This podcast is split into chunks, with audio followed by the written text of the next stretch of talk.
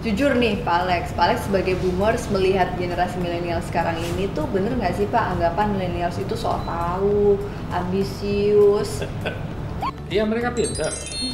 Anak-anak yang pinter itu suka tantangan, banyak maunya banyak gitu ya maunya. Pak.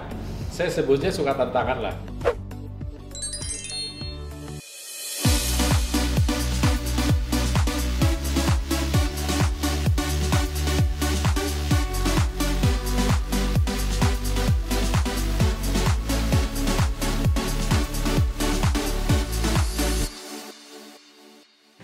Assalamualaikum teman-teman semuanya, senang banget ya menganalisa kali ini selalu mendatangkan narasumber yang inspiratif banget dan di beberapa items kita udah ngebahas banyak tentang kehidupan. Satu yang belum kita bahas adalah tentang kehidupan di dalam perusahaan atau organisasi yang mungkin itu akan mempengaruhi psikologis kamu. Sudah ada Pak Alex Benyamin. Welcome Mr. Alex.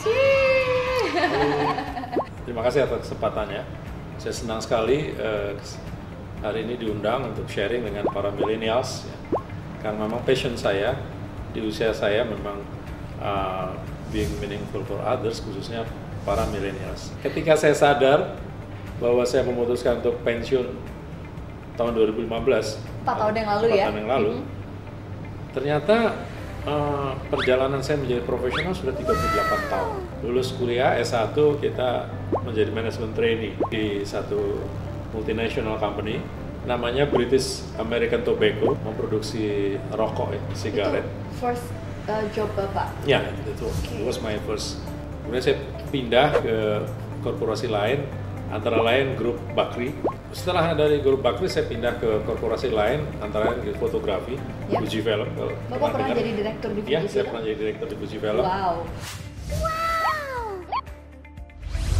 Kemudian saya bekerja di satu perusahaan konsultan untuk membantu restrukturisasi keuangan ketika periode uh, krisis moneter ya. Mhm. Dan teman-teman tahu nggak sih Pak Lek ini selain mentor saya begitu ya dalam membangun bisnis uh, konsultan APDC Indonesia, Pak Lek ini juga salah satu associate trainer kita. Kalau kadang-kadang klien kita memang butuh sosok figur bapak, figur bapak gitu ya dan memang experience beliau uh, suhu banget deh gitu dalam bidang HR. Pak Alex kok mau sih ngebantuin saya seorang analisa yang baru usia 30 tahun dan kemudian Pak Alex mau apa sih kayak udah gitu ya bisnis banyak punya uh, pernah bisnis uh, perhotelan juga jauh-jauh dari Bogor ke Jakarta Iya. untuk meluangkan waktu gitu apa sih Pak value yang Bapak pengen Saya ini orang yang berbahagia karena Tuhan mem- begitu banyak memberikan berkat. Sehingga ketika saya pensiun, salah satu doa saya kepada Tuhan adalah what next nih? Saya mendapatkan sem- semacam call atau panggilan being meaningful for others. Jadi bagaimana saya bisa men-sharingkan pengalaman saya kepada banyak orang. Itulah sebabnya saya terlibat di dalam eh, apa namanya program-program coaching atau mentoring di eh, berbagai komunitas uh, dan sebagian besar di youth entrepreneur community wow. Sehingga saya uh, bersinggungan dengan millennials. Karena yang dibutuhkan para millennials itu adalah kesempatan untuk menjalankan sebuah usaha karena kesempatan itu akan memberikan pengalaman. Dan pengalaman itu akan memberikan pembelajaran. Mereka akan sampai kepada the wisdom untuk menjadi seorang pemimpin. Mostly mereka konsultasi soal bisnis, soal penga- pengalaman dalam korporasi dan itu Bapak tekuni dengan satu background sebagai seorang coach di sini. iya iya iya Saya pernah dengar nih Pak Alex, entrepreneur yang udah kita nggak asing lagi, Alibaba, Jack Ma pernah bilang katanya umur 20-25 lakukan kesalahan sebanyak-banyaknya. Terus 25 sampai 30 cari bos yang tepat buat diri kita. 30 40 kerja untuk diri sendiri dan kalaupun belum bisa kerja buat diri sendiri lakukan yang terbaik untuk diri kita. 40 sampai 50 itu kayak prosperity kita nih. Nah, 50 60-an itu kerjalah untuk anak muda. Jangan-jangan value itulah yang Bapak hari ini jalani. Jack Ma untuk sampai ke posisi sekarang dia berjuang. Yap.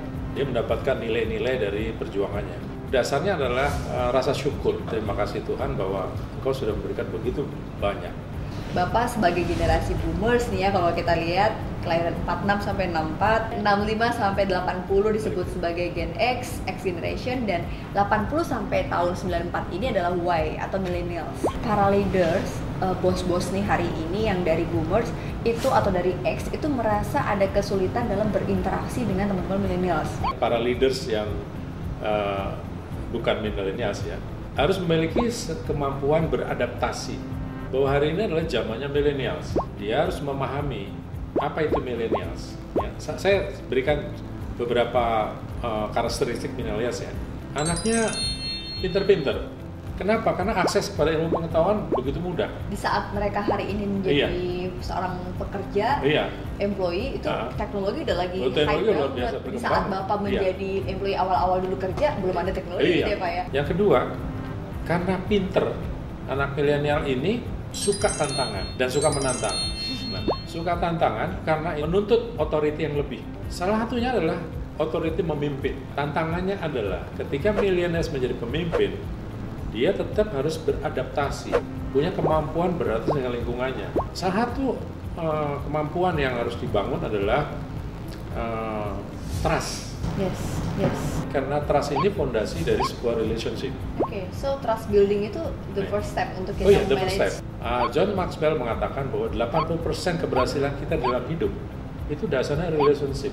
Jadi uh, trust and relationship itu uh, is matter of connection. Jadi bagaimana ada koneksi antara kita dengan orang-orang di lingkungan kita. Hmm.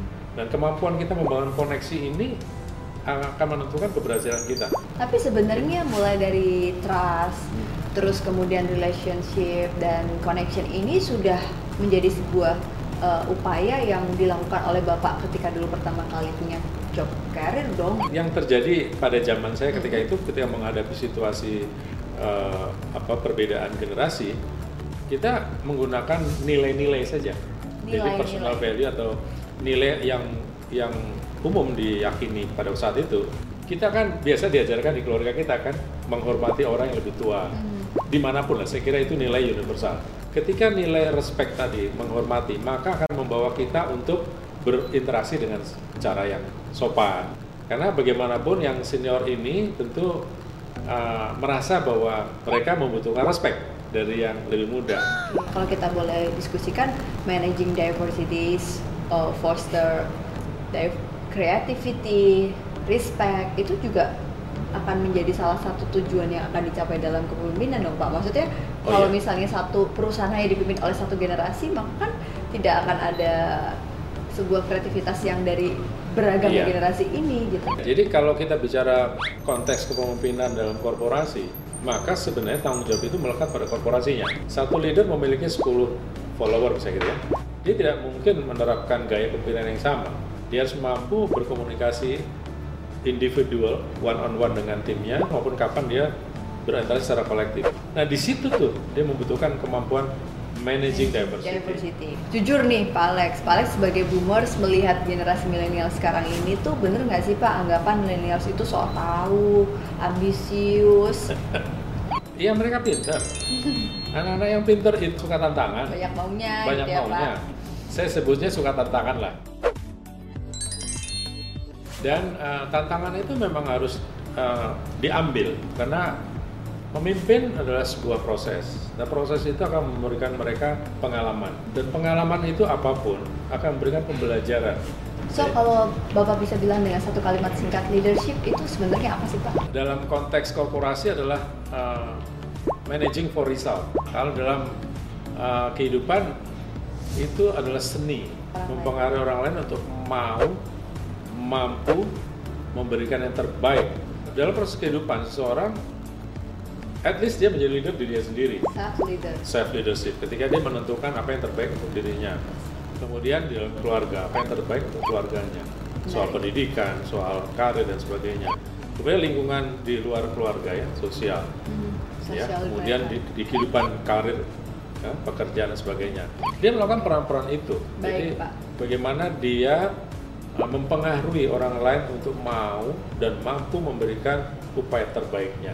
Aduh mantap banget ya kayak kuliah satu SKS tentang leadership nih sama Pak Alex. Yeah. Pak pesan singkat untuk teman-teman milenial hari ini menjadi seorang pemimpin karena banyak banget startup yeah. uh, bisnis yang grow-nya itu oke okay banget tapi mereka masih usia muda gitu. Satu berani mengambil keputusan.